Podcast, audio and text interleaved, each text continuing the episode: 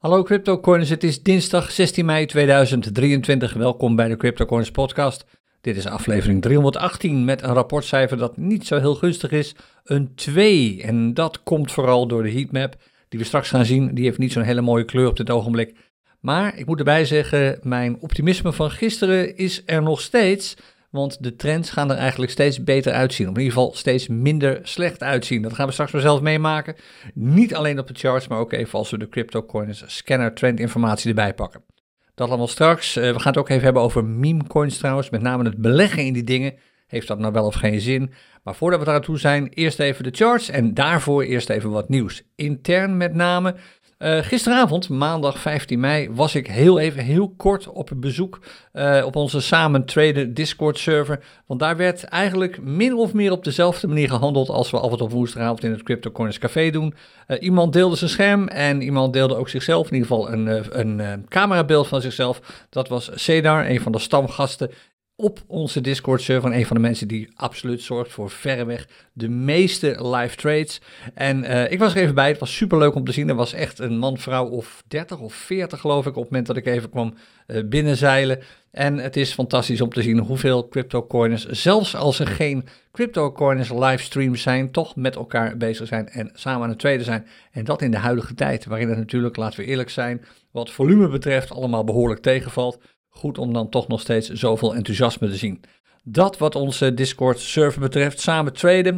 Um, verder nog wat andere dingen. Oh ja, vanavond. Vanavond is het uh, om half acht uh, tijd voor een speciaal webinar. Dat we eigenlijk intern het Inner Circle webinar hebben genoemd. Waarom dat zo heet, zal je vanavond waarschijnlijk tijdens het webinar vanzelf duidelijk worden.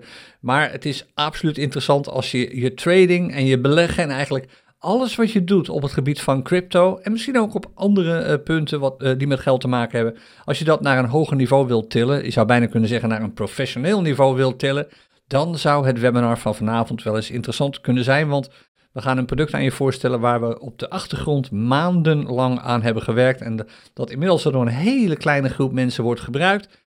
En waarvan wij denken dat het heel veel waarde kan toevoegen aan jou als crypto trader, crypto belegger. Maar nogmaals, met name Vooral als je dat ziet vanuit een soort professioneel uh, standpunt. Nou, dat allemaal vanavond om half acht. De link trouwens is www.cryptocorners.nl slash webinar. Maar als je op de nieuwsbrief bent geabonneerd, dan heb je volgens mij gisteren al een mailtje gehad.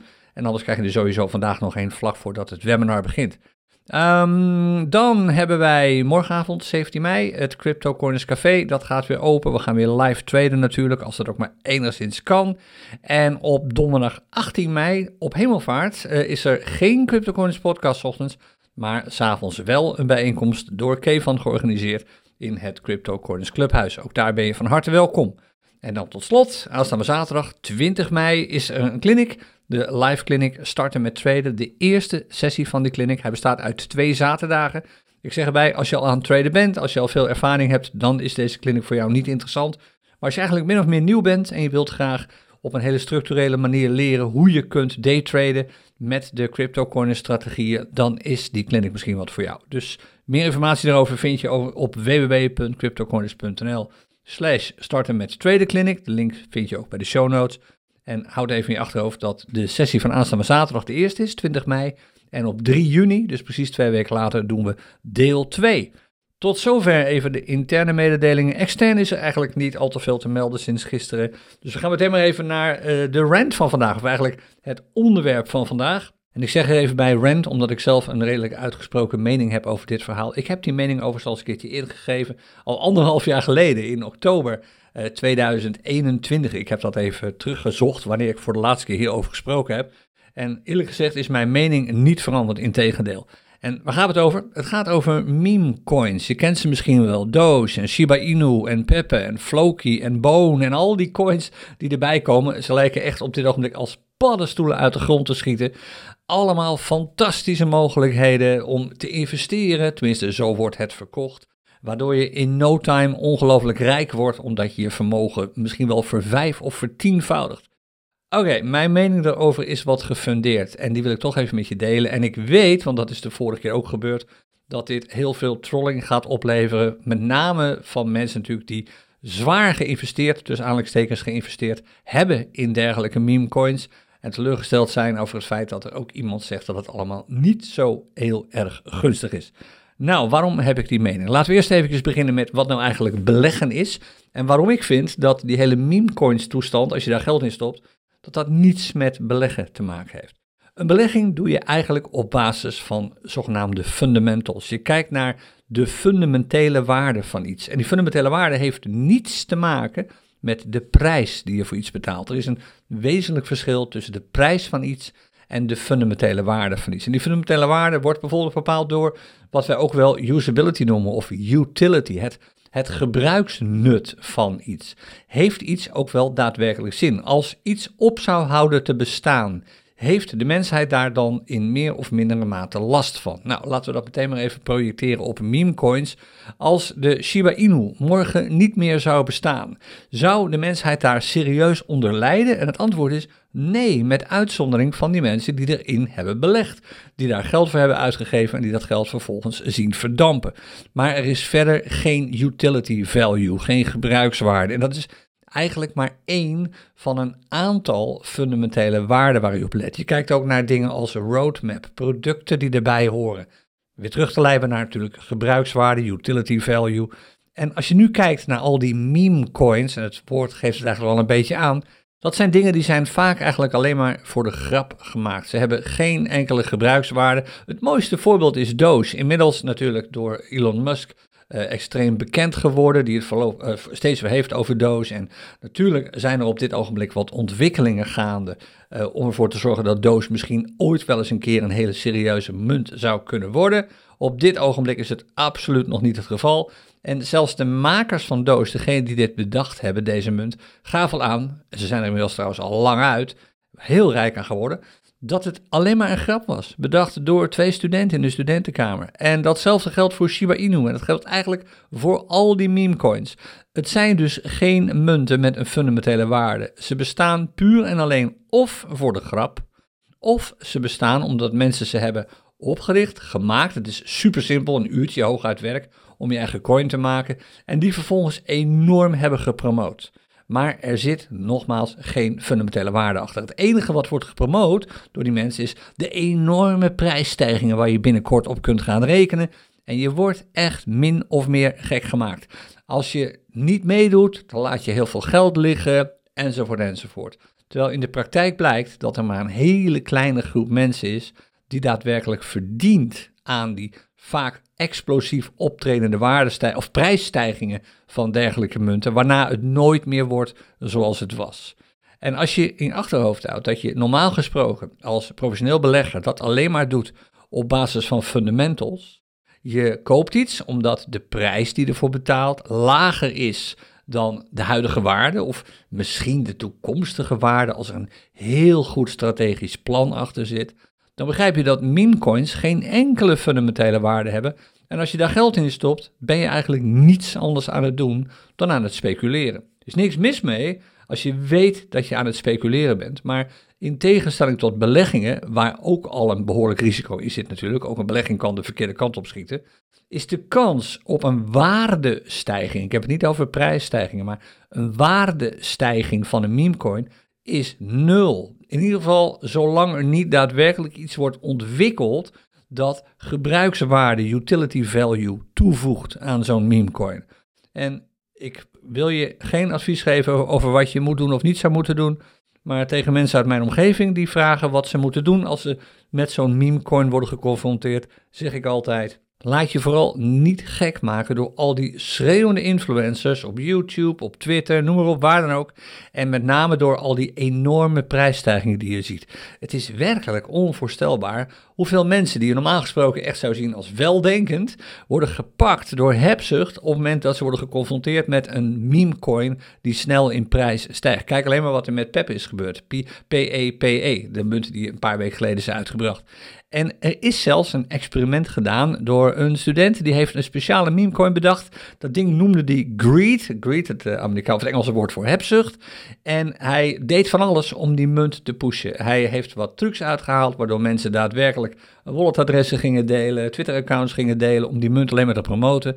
En hij zegt het meest opvallende was dat zo gauw mensen worden geconfronteerd met de kans op een enorme rijkdom, ze eigenlijk alle logica vergeten en blind instappen in een project dat totaal geen waarde heeft. Het is pure speculatie.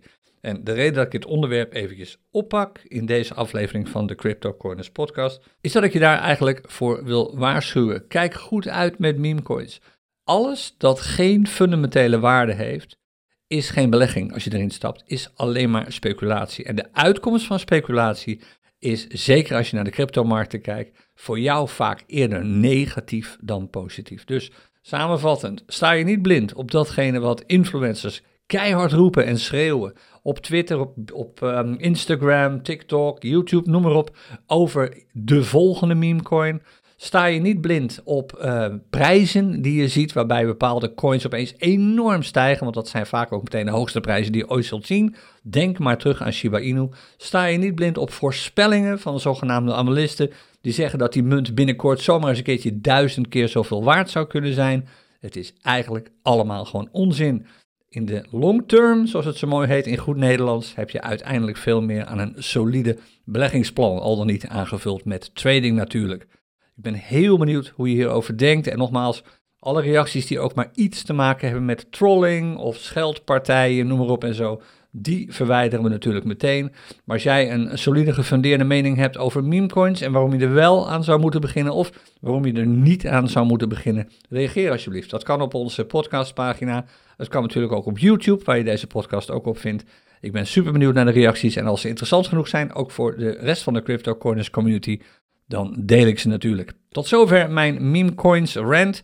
Dan een kleine rectificatie. Ik weet niet wat ik gisteren had gerookt toen ik dat zei, maar ik zei gisteren dat er inmiddels een miljoen wallets waren met minimaal 1 miljoen dollar aan bitcoin erin. Nou, dat zou wel heel erg veel geld zijn. 1 biljoen dollar, dat is op dit ogenblik bijna de hele market cap van alle crypto. Ik bedoelde 1 miljoen wallets met minimaal 1 bitcoin erin. En dat is voor mij al een sein dat bitcoin heel serieus wordt genomen, genomen door veel beleggers en duidelijk wordt gezien als een alternatief voor bijvoorbeeld aandelen en misschien als een aanvulling op goud dat ze vaak al in hun portfolio uh, hebben zitten.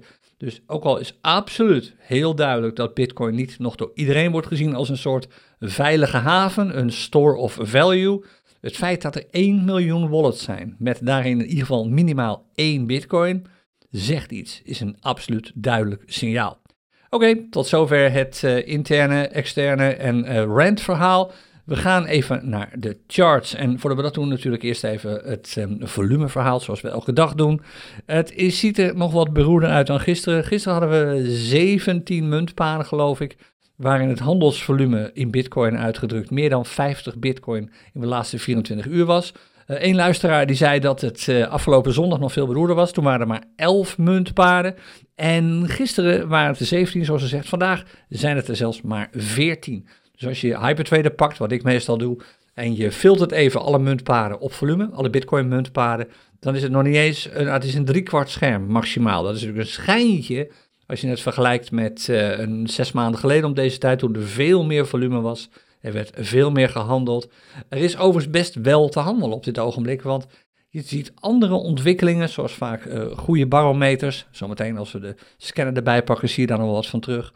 Uh, zich wat minder ongunstig ontwikkelende trends, waardoor je best wel mooie trades kunt maken. Maar er is gewoon heel weinig handelsvolume, wat eigenlijk in de praktijk betekent dat je bij het traden beperkt bent tot hooguit 10, 15 misschien muntparen als je met Bitcoin als basismunt handelt. En dat is natuurlijk een schijntje als je bedenkt dat alleen Binance volgens mij al bijna 300 heeft. Dat uh, zegt iets over hoe weinig, uh, op dit ogenblik, hoe weinig enthousiasme er is om te traden. Dus niet, ik heb het niet zozeer over enthousiasme voor crypto, ik heb het over enthousiasme om erin te handelen.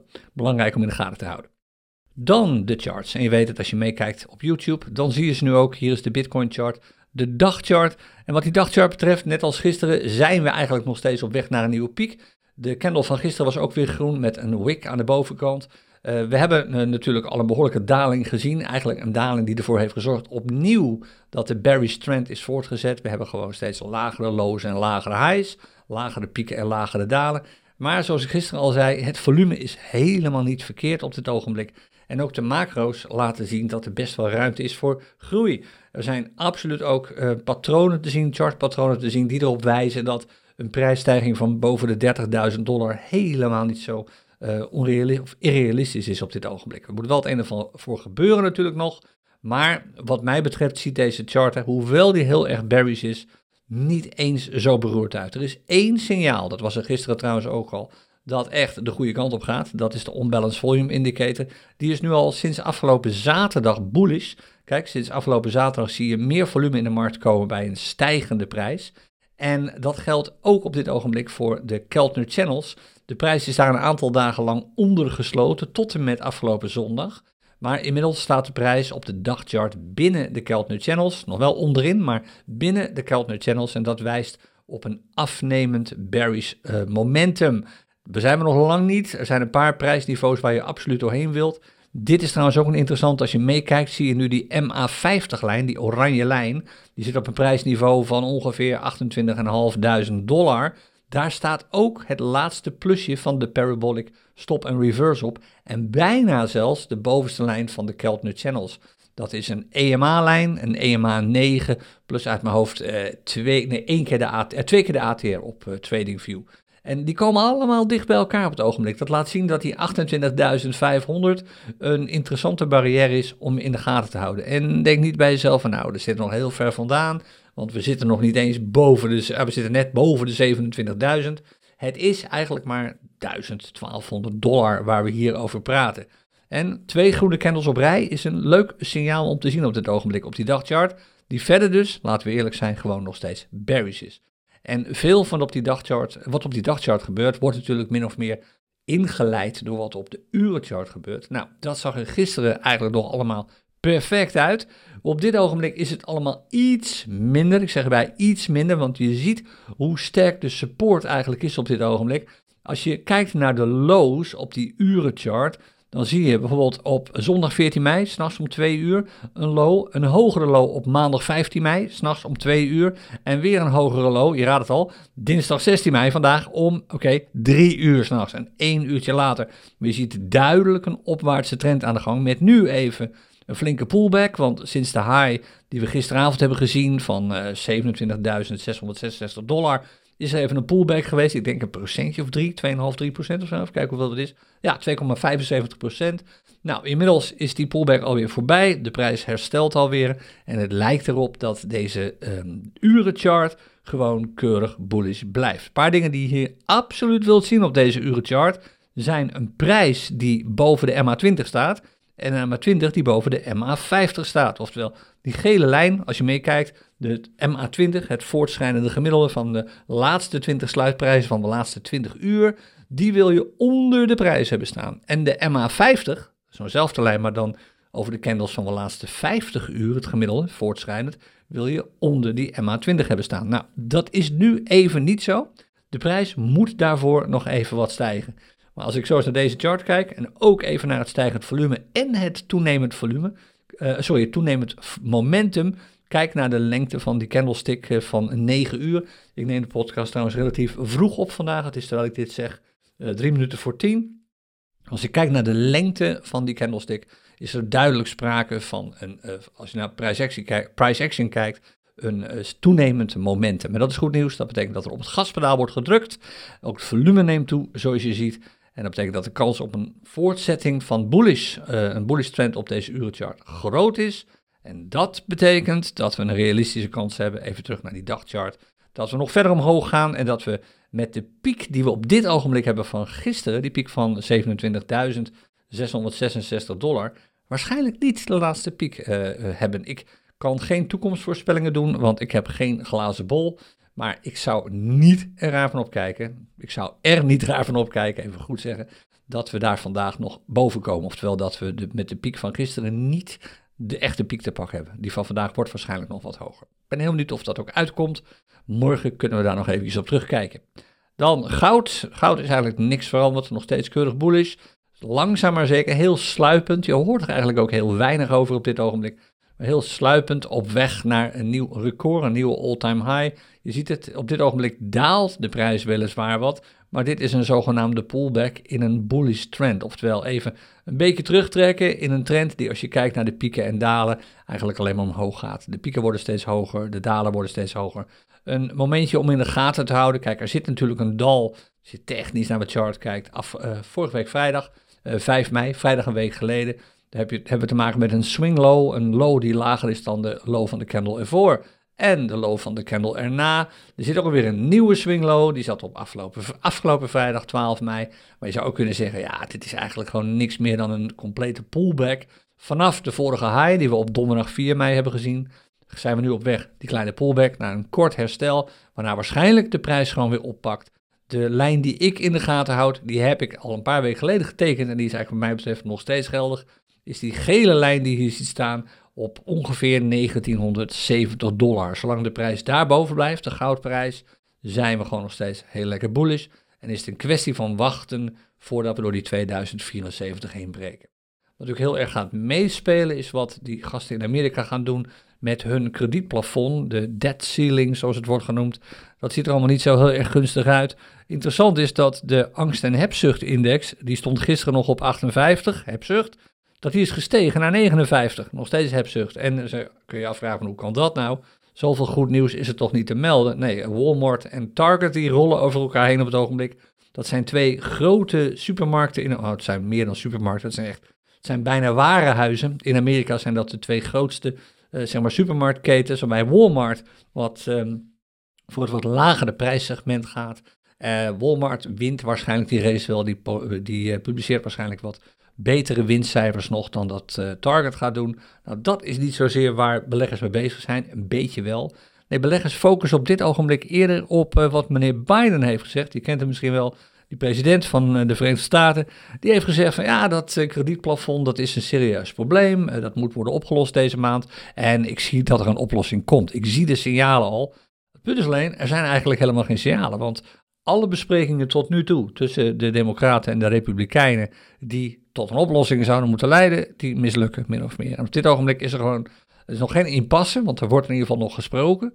Maar nergens is er een signaal te horen dat er een oplossing komt. En het wordt nu wel krap. Het is 16 mei vandaag. Over 15 dagen is het 31 mei. En de dag daarna is het 1 juni. En dan is het geld gewoon op. Dus ik ben heel benieuwd of er daadwerkelijk wat schot in komt. En je, zou kunnen, je zult ook merken trouwens, als um, er een signaal komt, een bericht komt dat de gesprekken stagneren, dat het allemaal niet opschiet in de onderhandelingen hierover, dat er geen uh, duidelijkheid komt over uh, uh, extra renteverhogingen, extra geld dat ergens vandaan wordt gehaald, waar dan ook, dat je zomaar een neutral kunt zien als het gaat om de Fear and Greed Index, oftewel een verlaging van die 59 naar zeg maar, de 50 zone en misschien nog wel lager. Het zou mij echt verbazen. Je ziet de gekste dingen gebeuren de laatste tijd. Uh, laten we eerlijk zijn, een maand, maand geleden, iets langer dan een maand geleden, was het allemaal nog fear. nu op dit ogenblik is het alweer greed. Het, het schommelt heen en weer tussen angst en hebzucht. Het zou mij echt verbazen als dit nog veel verder omhoog gaat. Ik verwacht eerder dat we weer teruggaan richting neutral en richting fear. Want die angst voor een recessie is er ook nog steeds. Het probleem met de omvallende banken is er ook nog steeds. Al dat soort problemen zijn niet voorbij, omdat je er een week lang niet zo heel erg veel over hoort. Het is allemaal nog steeds heel erg opgeblazen op het ogenblik. Ik las trouwens een mooie opmerking vanochtend ergens in, volgens mij de Telegraaf, van iemand, ik ben al vergeten wie het was. Die zei van nou in Nederland, eh, de economie staat er super sterk voor. We hoeven ons helemaal nergens zorgen over te maken. Er komt geen recessie. De, de Nederlandse economie is extreem veerkrachtig. Dan denk ik bij mezelf, oké, dat zeiden dezelfde mensen ook over de inflatie die niet zou komen. Maar wat al deze mensen, naar mijn mening, vergeten, is dat de recessie niet alleen door Nederland zou komen. Er zijn factoren buiten Nederland om die leiden tot een recessie. Daar wordt gewoon aan voorbij gegaan. Het is super om te zien dat de Nederlandse economie er nu nog steeds goed voor staat. Maar opnieuw, dit is een schijnbeweging. Het komt door een paar cijfers van een paar grote jongens. En de klappen komen, naar mijn mening, nog. Dus ik zou, als ik jou was, daar niet al te veel waarde aan hecht. En doe natuurlijk altijd gewoon je eigen onderzoek. Lees je eigen nieuwsberichten. En niet van jezelf, maar door anderen. Waar je altijd naar kijkt, die je altijd leest. En vorm vervolgens natuurlijk je eigen mening. Laat je niet angstig maken, maar neem gewoon maatregelen. Zorg gewoon voor dat je een buffer hebt in een, uh, in een asset, in een grondstof. waar je meer in vertrouwt dan je misschien op dit ogenblik in de euro zou moeten doen of in de Amerikaanse dollar. Nou, dat wat betreft Fear and Greed, eigenlijk min of meer hetzelfde verhaal als gisteren. De heatmap niet, die ziet er duidelijk anders uit. Die was gisteren groen, die is op dit ogenblik rood. Dat gaat wel over de heatmap met de dollar als basismunt natuurlijk. Dat betekent eigenlijk als je deze chart, voor zover je het een chart zou kunnen noemen, even snel bekijkt, dan zie je dat de gemiddelde prijzen van alles in dollars uitgedrukt ten opzichte van gisteren is gedaald. Er zijn een paar uitzonderingen op de regel. Zit best wel veel groen tussen natuurlijk, maar dit is uh, gewogen. Hoe groter een vlak, des te groter de market cap, het marktkapitaal van de bewuste munt. En dan zie je dat het op dit ogenblik gewoon allemaal rood is. Mooier dan dit kun je het niet maken. Of dit voor traders ook veel impact heeft op het ogenblik, dat valt misschien wel mee, want traders zijn over het algemeen, in ieder geval de cryptocurrency traders, bezig om meer bitcoin te vergaren en niet per definitie om meer dollars te vergaren. En als we kijken naar de barometer op dit ogenblik, waarbij de bitcoin de basismunt is, de standaardbarometer, zie je dat het eigenlijk allemaal heel gunstig is. De veranderingen, dus de, de gemiddelde prijs eh, in bitcoin uitgedrukt van alle altcoins, ongewogen overigens, is 0,9% hoger dan gisteren, stijging. De gemiddelde prijs van alle altcoins is 0,6% hoger dan 4 uur geleden, stijging. En de gemiddelde prijs is op dit ogenblik, het is net 10 uur geweest, uh, hoger dan een uur geleden. Stijging 3, stijging op het ogenblik, maakt het eigenlijk super makkelijk nu om te traden met de cryptocurrency day trading strategie. En ook leuk om te zien is de trend.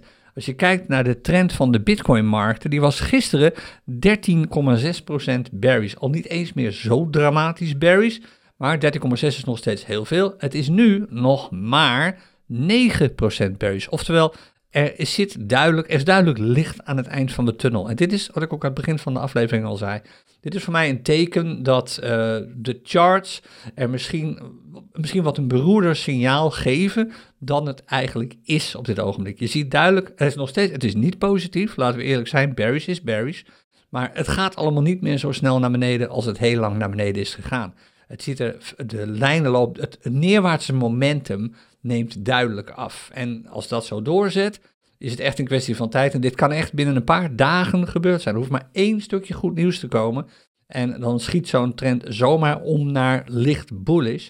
En dat kan nogmaals in een paar dagen gebeurd zijn. En dan veranderen er opeens heel veel dingen. Dan zul je zien dat er weer volume terugkomt in de markten. Dan zul je natuurlijk zien dat de waarde van je portfolio begint te stijgen. Want de prijzen volgen gewoon die trend. Ook al zie je hier en daar wat pullbacks, wat dalingen in een stijgende trend. Prijzen zullen uiteindelijk ook gaan stijgen. Van in eerste instantie natuurlijk de munten die je hebt uitgedrukt in Bitcoin. Maar je ziet zo'nzelfde verhaal ook terug als we kijken naar de trends voor de dollarmarkten. Die was gisteren nog, uh, wat was 13,6% bearish. Nee, sorry, uh, hij was veel hoger, 39,4% bearish. En die is nu 18,6% bearish. Dit is echt opvallend om te zien. Ik zal die waarde meteen even opschrijven voor morgen. Oftewel, de bearish trend, gisteren dus nog 39,4. Is nu nog maar 18,6. En zou morgen zomaar eens, als er niet al te veel slecht nieuws komt, en dit gaat dus over altcoins en de bitcoin versus de dollar, zou morgen zomaar eens bijna al bullish kunnen zijn. Laten we zeggen onder de 10%. En dat ga je echt merken. Dan zul je merken dat het enthousiasme voor crypto heel snel terugkomt. Want wat dat betreft is het met crypto sowieso, net als met die meme coins waar we het eerder over hadden. Als mensen ehm, eh, zien dat de prijzen stijgen van altcoins en van bitcoin, zijn ze eerder geïnteresseerd om het te kopen dan als de prijzen dalen. Dus eigenlijk de omgekeerde wereld.